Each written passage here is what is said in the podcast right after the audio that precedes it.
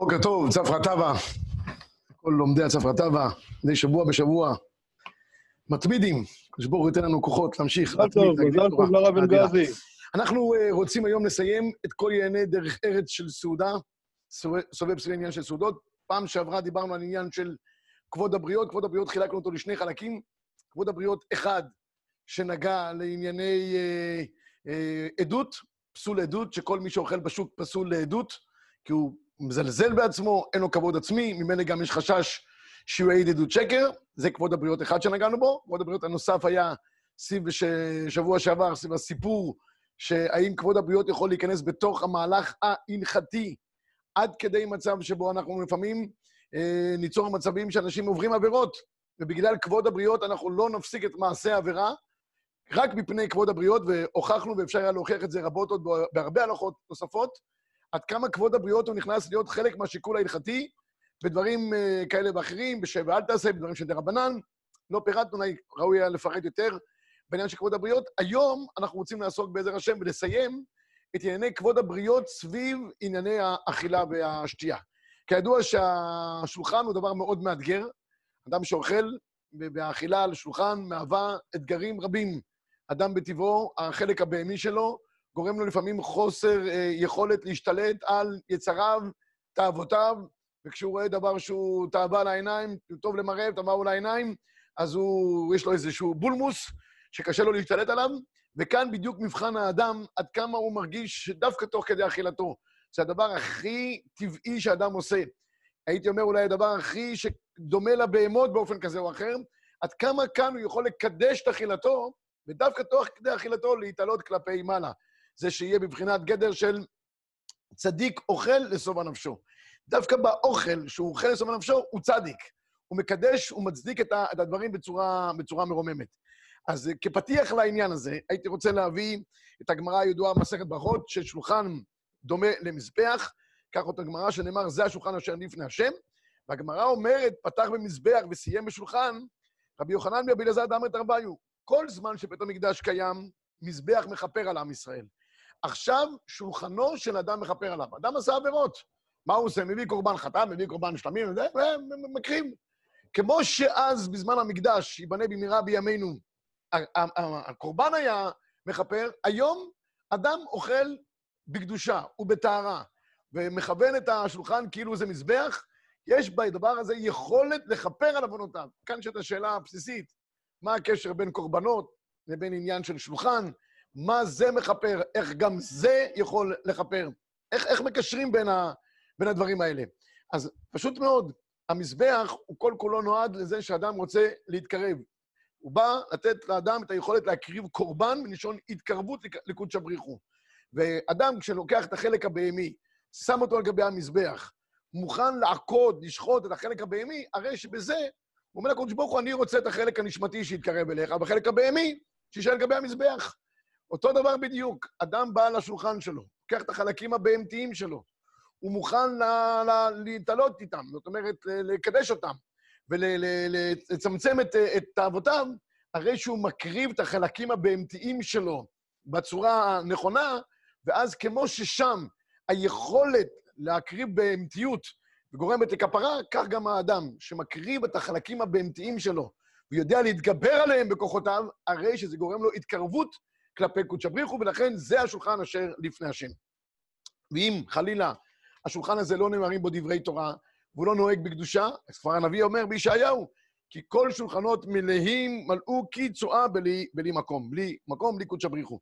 והמסילת ישרים מעריך הרבה, ובזה נסיים את הפתיח של שיעורנו, הוא אומר, המסילת ישרים, עד כמה באמת האדם נמדד, מבחן האדם האמיתי זה על גבי השולחן. אני קורא, ברשותכם, שני קטעים מה- מהמסילת ישרים, שאדם נמצא סביב השולחן, כיוון שהיו נקרבים לפני המזבח, כל כך יתרון היה להם, עד שיהיה כל מילה מתברך בכל העולם, ולכן האדם שאכל במשתה שהאיש הקדוש אוכל, אילו יהיו למאכל ולמשתהו כאילו נקרב על גבי המזבח. מסביר המסעד ישרים, שאדם שאוכל דברים בקדושה וטהרה, הוא מקדש ומרומם את אותם חלקים כלפי מעלה, וזה בדיוק היסוד שאנחנו אומרים על גבי המזבח, לוקחים דבר שהוא בהמתי, שמים אותו על גבי המזבח ומקרבים אותו לפני קודש הבריחו.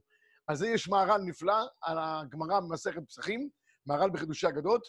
מה שם מבאר את הגמרא, מה הגמרא אומרת? כל מי שהוא עוסק בתורה יוכל לאכול בשר בהמה, שנאמר, זאת תורת הבהמה. כל מי שעוסק בתורה יכול לאכול בשר עוף, שנאמר, זאת תורת העוף. שואל המהר"ל, מה זאת אומרת? דווקא מי שעוסק בתורה יכול לאכול בשר בהמה, זאת תורת הבהמה, זאת תורת העוף. מה, מה, מה הפשט פה? אומר המהר"ל כך. אומר המהר"ל, כל דבר שנמצא בעולם, יש לו חפץ ורצון להתעלות מדרגה אחת מעל. שום דבר לא רוצה להישאר במקומו. הצומח נהיה חלק מהחי. החי מאכיל את האדם, האדם מתרומם כלפי מעלה ממדרגה למדרגה. אומר המהר"ל דבר נפלא מאוד. אם יש דבר שהוא בהמתי, מה הוא חפץ? אותה בהמה, היא אומרת, אני מוכנה להישחט, למסור את נפשי, על מנת שהדבר הזה, שאני כבהמה, אני אעלה עוד מדרגה כלפי מעלה. אם אדם לא עוסק בתורה, אומר המהר"ל, הוא לא יכול להעלות את הבהמה כלפי מעלה. הוא משאיר אותה כמו שהיא. אז למה מסכנה הבהמה סתם נשחטה, סתם מסרה את נפשה שלא על קידוש השם? בחינם, שחטאו אותה, את כל הקילוגרמים האלה? מי שעוסק בתורה, הוא יכול לקדש את הבהמה ולהעלות אותה כלפי מעלה, או, זה אדם בעל מדרגה. לכן זו תורת העוף, זו תורת הבהמה, כל העוסק בתורה. ויכול לקדש ולרומם את העולם, הוא יכול לאכול בשר בהמה, בשר עוף. אבל אכילה לשם אכילה, בלי לעלות, ההפך. זה מדרגה שלילית של מילוי תאוות, שנאמר, כי תאווה נפשך לאכול בשר. סתם אכילת בשר בעלמא זה מילוי תאוות. דווקא כשאדם מצליח להתקדש ולהתרומם על ידי התורה, הוא מעלה את זה כלפי מעלה. ולכן אומר המסעד ישרים בסוף דבריו, כללו של דבר, עניין הקדושה הוא שיהיה האדם דבק כל כך באלוקיו, עד שבשום מעשה אשר יעשה, לא ייפרד ולא יזוז ממנו יתברך. עד שיותר יתעלו הדברים הגשמים אשר ישמשו לאחד מתשמישיו, במה שהוא משתמש בהם. ממה שיורדו מדבקותו ומעלתו בהשתמשו בדברים הגשמיים. בקיצור, אומר המסעד ישרים, האדם יכול לקדש את כל חלקי חייו, לרומם אותם, וזה מעניין מאוד שהאבות הקדושים שלנו, הצמתים הגדולים שלהם היו דווקא תוך כדי האכילה. אברהם אבינו התגלה כאיש חסד דווקא במלאכים שבאו לסעוד בעולו. גם יצחק ויגמל, ויעשו משתה, משתה גדול ביום יגמל את יצחק, ולא לחינם גם יעקב קיבל את הבכורה ואת המעלה שלו סביב הנזיד עדשים. תמיד הצמתים של האכילה הם הצמתים שבהם אנחנו רואים כמה אהבות מתוך זה התעלו כלפי מעלה. עכשיו ניגע ברשותכם בכמה דברים, הלכה למעשה, שנוגעים לענייני סעודה. דבר הראשון, אה, כתוב במסכת דרך ארץ, אדם לא יאכל פרוסה כביצה בידו ויאכל, ואם אכל, הרי זה ראוותן. אדם, אסור לו לאכול בחינה של אכילה גסה. לא אכילה גסה שהוא לא יכול לאכול, אלא הכוונה היא אכילה שנראית אכילה לא מכובדת, תאוותנית. לאכול סנדוויץ' בגודל של ביצה, לא מכובד הדבר הזה. והרמב"ם וה... כותב בהלכות ברכות, אינו בוצע לו פרוסה קטנה, מפני שהוא נראה כצר עין. לא פרוסה גדולה, יותר מקבצה, מפני שנראה כראוותן. בשבת יש לו לבצוע. בקיצור, אנחנו אומרים שמפורש, אדם לא יכול לאכול פרוסה גדולה, שבזה הוא נראה כראוותן, לא מכובד או טוב, זה לא פוסל אותו לעדות, אבל זה לא ראוי לאדם שמתקדש לאכול בצורה הזאת. אומר המחבר, לא רק שהוא נראה כראוותן, לא יאכל אדם פרוסה גדולה, ואם אכל, הרי זה גרגרן, הוא מקבל גם שם כזה של אדם, אדם גס רוח. והפוסקים דנים פה בדבר הזה, האם הדבר הזה אפשרי היום, כן או לא. הבח כותב, באורח חיים סימן ק"ע, לא יאכל פרוסה כביצה, זאת אומרת, לא יתפוס בידו פרוסה כביצה, פי שאינו אוכל אלא קצת ממנו, כי בעצם התפיסה, האחיזה של סנדוויץ', סנדוויץ', דרך אגב, סנדוויץ' רגיל היום הוא כביצה. כל פרוסת לחם בממוצע זה כזית, שניים, כביצה. אדם אוכל סנדוויץ', לא יודע, עם גבינה עם זיתים בתוכו, או לא, או שם שוקולד, לכאורה עצם האחיזה לפי הבח, כבר עשה אותו ראוותן, זה לא דרך ארץ, ואפשר, אומר הבח, ברצונו לומר, די מכניס בפיו פרוסה כביצה בבת אחת, ולועס ואוכל, אני מכניס בסוגריים, והוא לא נחנק, זה נקרא ראוותן. כך אומר, לא נראה שמי שאוכל סנדוויץ' ביד בצורה מכובדת, כבר נראה ראוותן. הכוונה היא שהוא דוחק להכניס את מלוא הפרוסה לתוך פיו, ואז הוא ממלא את בית הבליעה שלו בכזית, זה נראה נורא. אני מקווה שאדם כזה ימשיך, יצליח לשרוד אחרי הסעודה שלו.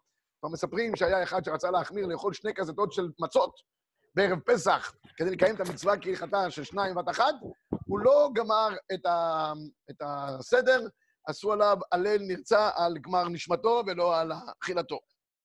אז מן הראוי לשים לב לנקודה הזאת, וכך גם כותבת הגמרא, יש הוכחה לדברי הבח מדברי הגמרא ביומא, שהראו חמים, אין בית הבליעה מחזיק יותר מקביצה תרנגולת. בכל אופן, האור לציון כותב כך, הלכה למעשה. אין לקחת פרוסה יותר מקבצה ולאכול ממנה. מפני שנראה כרבתן, מלבד בשבס קוידש, שכל הפועסקים אומרים, שבס קוידש, אין בעיה לקחת פרוסה יותר גדולה מקבצה. למה? כי זה שבס קוידש, זה, זה כבוד שבת, אין בזה שום בעיה. אומר, אומר האור לציון, רבי בן ציון אבא שאול, ומכל מקום, כל שהדרך בכך, כגון סנדוויץ' או פיתה, פיתה עם פלאפל, כל השוארמה, ככה אנשים נוהגים לאכול, וזה יותר מקבצה, בטח עם כל מה, עם כל מה שמלא בתוכו, לא נראה הדבר כראוותן ומותר. כללו של דבר נמצאנו למדים, שהכל צריך להיות מה נמצא בדעת הבריות, מכובד, עדין, נעים, ומה בעיניהם, אם היום השתנו הדברים. אדם אוכל בגט, הבגט הזה מנים אותו גם כל טוב, אבל זה לא נראה משהו גס. זה הכל אוכל את הבגט, אין בזה שום בעיה. אם חלילה הוא יעשה פעולות שבהן זה ייראה דברים שהם יוצאי דופן, שם באמת תהיה הבעיה, ואנחנו על זה אה, נגיד לאדם שהוא נרשם כראוותן וגרגרן, וצריך להימנע מה, מההתנהגות הזאת, שהיא לא מקובלת בעיני הבריות. עוד כמה דברים ברשותכם, היום בדיני דרך ארץ בסעודה. הדבר הנוסף, כתוב במסכת דרך ארץ, אדם שהוא מכובד, בין תלמידי חכמים לאחרים, לא יאכל מעומד ולא ישתה מעומד. האכילה מעומד והשתייה מעומד היא לא מכובדת. היא יוצרת מצב של זילותה, הן כלפי האכילה, הן כלפי האדם שאוכל. כך כותב בקיצור שולחן ערוך, לא יאכל אדם ולא ישתה דרך ראוותנות. לא יאכל מעומד, לא ישתה מעומד. יש שולחנו נקי, מכוסה יפה, אפילו אם אין לו מה לאכול רק דבר שאינו חשוב, לא משנה. אוכלים בצורה מכובדת. אנשים שאוכלים ברחובות, חוץ מזה שהם פסולים לעדות, כמו שאמרנו, האוכל בשוק פסול לעדות, בתנאים שציינו בשיעורים הקודמים, אבל בכל אופן, יש עניין באכילה, כמו שאמרתי, זה המבחן שלנו. רק, סליחה על הביטוי, בהמות וחיות אוכלים על הדרך, בכל צורה שלא תהיה, בלי שום דבר. האדם, יש לו שולחן, זה המזבח אשר לפני השם, מכובד, ולא בדרך אה, זה. אגב, אני חייב להגיד פה, אם כבר מדברים על העניין הזה, לא רק שאין אוכלים בעמידה או תוך כדי אכילה, גם אם קרה שאדם אכל באיזושהי צורה כזאת, אה, בצורת ארעי, לברך ברכת המזון אם הוא אכל פת, יותר, מכ... יותר מכזית, הוא חייב לשב ולברך כדבעי. בברכת המזון אין פריבילגיות, שאם עשית את זה, את האכילה תוך כדי הליכה, אז אתה רוצה, אתה יכול גם לברך ברכת המזון תוך כדי הליכה. אין דבר כזה. גם אם הלכת, ברכת המזון, יושבים, מכוונים, היא דאורייתא.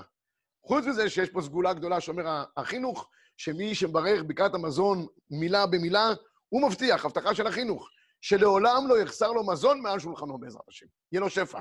אז קחו את זה לתשומת לבכם. ערוך השולחן כותב, לא רק שאדם יאכל בצורה מכובדת, לפעמים גם יש דברים שאדם כבר יושב ליד השולחן, אבל עושה דברים תוך כדי ההתנהלות הסעודתית, בצורה שגורמת לאחרים גועל, אי נעימות. כמו למשל, אסור להרוג קינה על השולחן. יש אנשים שהורגים זבובים, יתושים, על גבי השולחן. חוץ מזה בעיות של שרצים ורמסים שיכולים להיכנס, וכן לעשות דבר מאוס לפני הבריות. לפני, לפי שנמשל למזבח, וכתיב, זה השולחן אשר לפני השם. אם אתה אדם מרגיש שהוא נמצא לפני השם, ולפני מלך, הוא לא יכול לעשות פעולות שהן לא ראויות, כמו אה, הריגת אה, נמלים ודברים כאלה. כותב הדף על הדף, דם, מתוך זה גם, כיוון שהשולחן אצלנו בהלכה הוא בעל ערך, כמובן לא יושבים על גבי שולחן בשום צורה שהיא, במיוחד שולחן שאוכלים עליו, כי הוא דומה למזבח, וכן מצינו שאדם, יש סכנה לשב על שולחן שמיוחד לספרים, סכנה ממש. אם אדם יש לו שולחן של ספרים, לא יושבים עליו. שולחן של אכילה, גם לא הולכים עליו, לא עומדים עליו וכולי, אבל הוא כותב בהמשך, וגם אומר חלק מהעניינים של, של כבוד השולחן, מכסים את הסכין בעת בדיקת המזון, אנשם לא תניף עליהם ברזל, ישנם שני סיבות שמכסים את הסכין. אחד, מדין לא תניף עליהם ברזל כי השולחן דומה למזבח, ועוד, כיוון שפעם אחת אדם, תוך כדי בקעת המזון, נזכר בחורבן ירושלים, והיה לו צער גדול, לקח את הסכין, תקע בביטנו. אמרו חכמים, אין סכין בבקעת המזון. יש הרבה שנוהגים שמוציאים את הסכינים לפני בקעת המזון. הן מצד עניין המזבח, הן מעניין הצד. כן? והשולחן שלנו, למה לא? כי הוא מעריך אמר. כתוב בשיבולי הלקט, ובא בבית יוסף, מצווה להביא על כל שולחן מלח, קודם שיבצע, כי השולחן דומה למזבח, האכילה דומה לקורבן. אז אנחנו כאן רואים עד כמה השולחן, זה השולחן נשען לפני השם. דומה למזבח, אין סכינים ואין ברזלים עליו, כי חרבך הנפת עליה ותחלליה, מביאים מלח, דום ידי קורבנות שהם מוקרבים עם מלח. בקיצור, אדם פתאום צריך לתפוס תפיסה מחודשת. אתה בא לאכול, אתה מרגיש שאתה נמצא בתוך ההיכל פנימה במקדש, יש לך פה מזבח, אתה מקריב עכשיו איזה קורבן, עם כל המחשבות הראויות שלא עם מחשבת פיגול, חוץ למקומו, חוץ לזמנו. פתאום זה נהיה עסק של עבודת השם בצורה בלתי רגילה, סך הכל לאכול איזה סעודה כזאת או אחרת.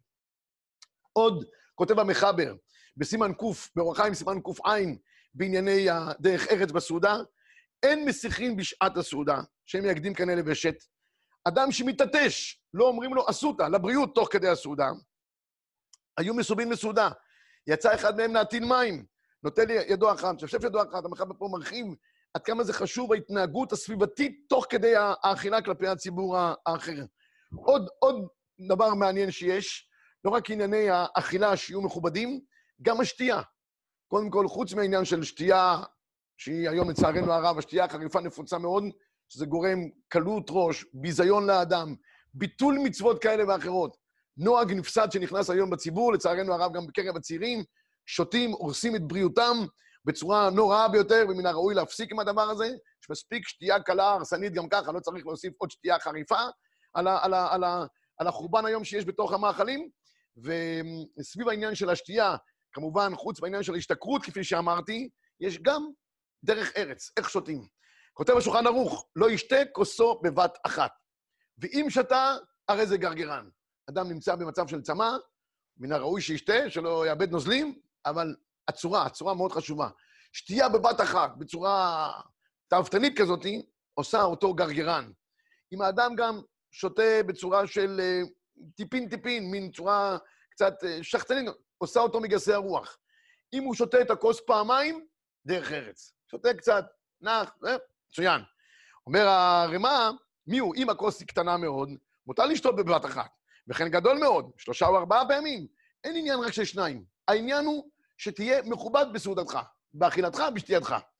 פסקי תשובות כותב כאן שכל השיעורים שנכתבו פה, לא ישתה כוסו בבת אחת, אלא שניים. ולא שלוש וארבע וכולי, הוא אומר, זה דווקא שאדם שותה לשתייה לשם תענוג. כי יין ומיצים טבעיים, אבל מים ושאר משקות קלים שותים לצמאון, לקק פידה. אפילו שותה כוס אחת גדולה בבת אחת. ואני אומר, ובכל אופן, גם בדברים האלה, מן הראוי לשתות בצורה מכובדת. אדם יש לו אפשרות לשתות מהבקבוק. יש אנשים תוך כדי זה שותים מהבקבוק לפני כל הציבור. כמו, סליחה שאני אומר, על משקל אדם האוכל בשוק. יש לך אפשרות למזוג לתוך כוס ולשתות בצורה מכובדת. כמובן, תשתה מתוך כוס. יותר מכובד, יותר עדין, יותר מקובל על הסביבה. הכל לפי ההתנהגות הסביבתית והתחושה של האדם, עד כמה הוא נראה יותר מכובד. מאידך, אנחנו חייבים לציין, אם אדם רוצה לשתות את הרביעית של כוס הקידוש או ההבדלה, ורוצה לשתות את זה בבת אחת, אין בעיה, אדרבה. מראה בזה חביבות מצווה, אין, אין, אין שום בעיה. בעניינים של, של מצווה, אפשר לשתות בבת אחת, ואומר הרמ"א, ולא, ולא יאכל גם דרך ראוותנות. סביב העניין של לא יאכל דרך ראוותנות, אומר הפסקי תשובות, מן הראוי לא לאכול בידיים. יש אמנם כל מיני אנשים שנוהגים לאכול בידיים כי יש להם כללים שהעולם קבע, לא יודע, פעם שמעתי מישהו שאת העוף אוכלים כן בידיים. יש עניין לאכול את העוף. חלק מהחלויס של האכילה של העוף זה בידיים. אני אומר, אם זה אפשר להיות בצורה יותר מכובדת, על ידי מזלג בסכין, עדיף. וכן, כשאדם אוכל, לא ילכלך את ראשי אצבעותיו, אומר הפסקי תשובות. גם מעבר פשוט, גם לא ילקק אצבעותיו, אלא יקנחם במפה. כן, לא... בקיצור, כולם מבינים, לא צריכים להרחיב את זה יותר מדי. אני חושב שכבר סיפרתי את המיתת הבדיחותא הזאת, שלא לא יקנח אדם הפעם. היה פעם איזה ליטאי שהגיע לטיש חסידי גדול, וחילקו שם קיגל ושיריים של הרבה, וכל הניצויצס היו בתוך הקיגל הזה, והליטאי, ככה, הקיגל היה ערב לחיכו, אז הוא אוכל אותו עם האצבעות, כמו שאין מנהג לאכול בטישים, כדי שהניצוצות לא יברחו חד ושלום למכשירים האחרים, אז הוא אוכל אותם ככה עם כל האצבעות, אבל אחרי כל האכילה נשאר לו יד נוטפת אה, שומן מכל השאריות. אז הוא מסתובב אחורה ושואל את החוסי, תגיד לי, איך פה בחסידות מנגבים את הידיים מכל השמן הזה? הוא אומר לו, זה שנמצא לידך מקדימה לך, תעביר עליו את הידיים, זה מצוין. הוא אומר לו, תגיד לי, והוא לא ירגיש מה שאני עושה לו? הוא אומר לו, למה, ואתה הרגשת? הוא אומר, אתה לא הרגשת, גם אתה יכול לעשות את זה למישהו אחר. אין שום בעיה. אז אה, גם כאן אני חוזר חזרה, יקנחם במפה, ולא על הבגדים של מישהו אחר, בטח לא על הבגדים של עצמו. אגב, לנגב על הבגדים אדם שנותן ידיים, זה גורם לשכחה. נא לשים לב לדבר הזה. כן? גם לא, יח, לא ישתמש בחנתו ביד אחת ולא בשתי ידיים, לא יכניס לפיו חתיכות ולגימות גדולות של אוכל ומשקה, וייזהר שלא יתלכלך שיער זקנו ומלבושיו, לא ימהר בעשייתו ואכילתו, ימעיט בהשמעת קול הלעיסה, כן, או, או קולות וברקים סביב האכילה.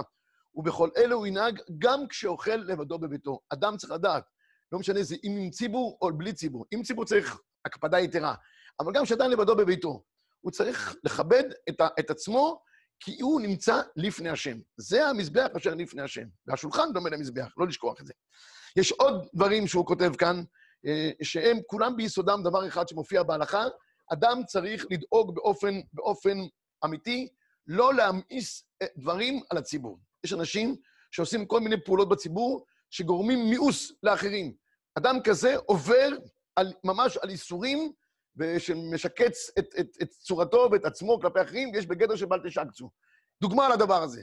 אדם, עכשיו אנחנו נמצאים בחורף, אדם יש לו פתאום כיחו וניאו, יש לו כל מיני שאריות, נוזלים ב...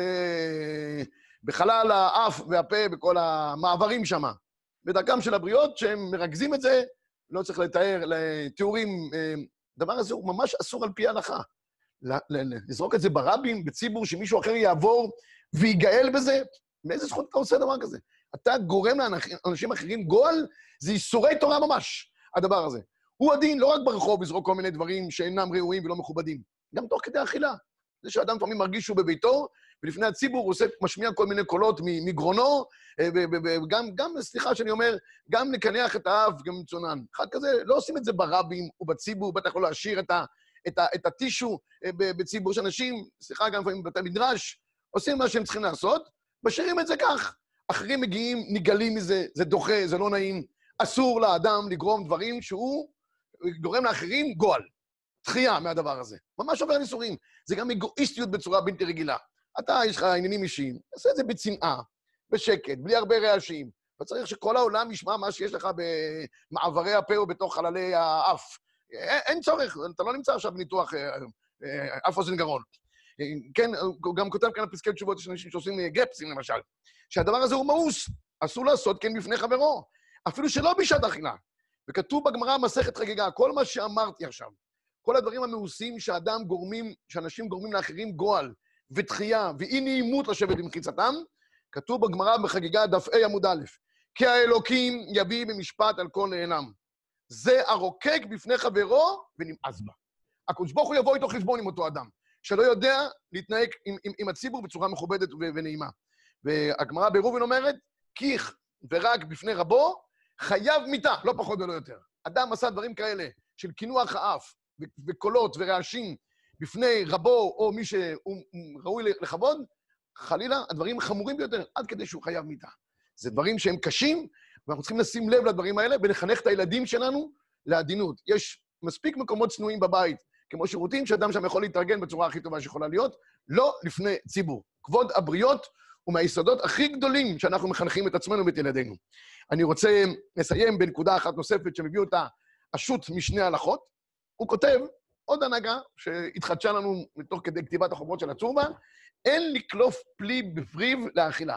אדם רוצה לקלוף עכשיו במיוחד שלנו פרי הדר בתקופת החורף, אדם לא יודע איך להתחיל את הקילוף, מנסה עם הציפורניים, אבל ברוך השם הוא, הוא מוריד אותם מערב שבס לערב שבס, אין לו יכולת להוציא, אז הוא לוקח את התפוז הקלמנטינה בפיו, מתחיל להוריד חלק, ואז הוא רוצה לקלף. איסור, איסור. זה הנהגה שלא ראויה. אומר, על דרך אשר ראו מישהו קולף פרי לאכול, כגון תפוז וחצי וזה, הנה באמת, אין זה דרך בני ישראל. תקשיבו טוב, זה דרך גויים לקלוף בשיניים, ככה כותב שני הלכות. מאיפה הוא מביא לזה ראייה? יש רש, שמופיע בסוף טהרות, מהמפרשי המשנה. הובא בספר גנזי יוסף. אבל בני ישראל מתקנים המאכלים בידיים ומכניסים לפה. וכאין שתייה מן הנהר, יש אנשים גם ששותים בצורה לא מכובדת, כופפים, יורדים. כל דבר כזה, זה לא מכבוד עם ישראל. זה לא מכבוד האנשים המכובדים לעשות את זה בצורה הזאת. רק העושה בפיו ובשיניים, מיכזה כראוותנותא, ובעופות טמאות ובהמות טמאות, סימנם שדורס ואוכל. הוא אומר, מי עושה בידיים? הוא אומר, העופות הטמאים, הם, הם נועצים בידיים כל דבר. אנחנו משתמשים בכלים ראויים, לכן במקדש היו הרבה כלים, דיברנו כל היום על המזבח ועל השולחן, וסביב העניין של המקדש וההיכל, הכל היה על ידי שימוש של כלים מכלים שונים בתוך המקדש. היה מזרק, והיה את הקטורת שמביאים עם הכף, כלים, לא משתמשים בידיים. ולא כן דורות, וכל שכן בני ישראל, שצריך להיות בתוך הסעודה בדרך צניעות ומוסר. ולפעמים, כשאדם רוצה לבדוק מישהו אחר, לעשות איתו עסק, או חתן להביא הביתה, אנשים בודקים אלף דברים, האיחוס והאינטליגנציה שלו, הכל צריך לבדוק, אני לא, לא, לא מוריד שום דבר מה שצריך לבדוק. אבל הדבר הכי טוב לבדוק, תן לו סעודה. אתה רואה בסעודה איך האדם מתנהג, וזה האדם באמת. אתה רוצה לסגור ביזנס, תגיד לו, בוא נלך לאכול משהו. אוכלים, רואים את ההנהגה, אתה מבין מי הבן אדם. אתה רוצה לקחת חתן לביתך, וכן להפך, סעודה. בסעודה האדם ניכר. האם הוא יוצא מגדרו ויוצא מעצמו ולא משתלט, ואז זה יהיה משמעויות מרחיקות לכת בכל תחנות החיים אחרי כן, ואם בסעודה אדם נראה מכובד ויודע גם להיות מאופק בצורה המכובדת ביותר, כנראה שהוא אדם בעל מעלה ומדרגה גבוהה. אני יכול להגיד שגדולי ישראל, שראינו את הנהגתם סביב העניין של, ה, של האכילה, שם באמת, חוץ מגדלותם בתורה ובבקיאותם ובחריפותם, בסוף ההתפעלות האמיתית הייתה מהדברים הפשוטים, מדרך ההליכה שלהם, מדרך האכילה שלהם, מדרך הדיבור שלהם, שם באמת האדם ניכר, בכוסו, בכיסו ובכעסו. אחד הדברים זה בכוסו. איך, איך נראה השתייה שלו, הכי פשוטה שיכולה להיות, אתה משם יכול להשליך דברים מרחיקי לכת על הנהגתו של האדם. שנזכה, שנחוש תמיד שאנחנו נמצאים לפני השם, כמו שאומר המסעד ישרים, ובעיקר במבחן של זה השולחן אשר לפני השם. שבת שלום וצו חטאווה לכולם. יישר כוח הרב, יישר כוח, שבת שלום. תודה רבה. יישר כוח. ישראל, הרב איתנו? הרב, אנחנו רוצים יחד עם כל הציבור הקדוש, להגיד מזל טוב גדול, להולדת הנכד. נכד ראשון, הרב אלגזי. מזל טוב. מזל טוב, מזל טוב. מזל טוב, מזל טוב, מזל טוב. מזל טוב, מזל טוב, תודה רבה, אתם מרגשים אותי מאוד. בעזרת השם, תמיד שמחות אצל כולם. תודה רבה. מזל טוב לרב. תודה רבה, תודה רבה. האמת שמתגעגעים לראות אתכם כבר עין בעין. אני מקווה שבקרוב. מזל טוב. תודה רבה, תודה רבה לכל המתמידים. שבת שלום וחודש טוב. חודש טוב. חודש טוב, בשורות טובות אצל כולם, תמיד שמחה בביתכם, בעזרת השם. כן, תודה רבה. תודה רבה, תברכו, כוח גדול. הרב, מזל טוב. מזל טוב, מזל טוב, תודה. וואו, וואו. יפה. טוב, few minutes and the Rav is coming.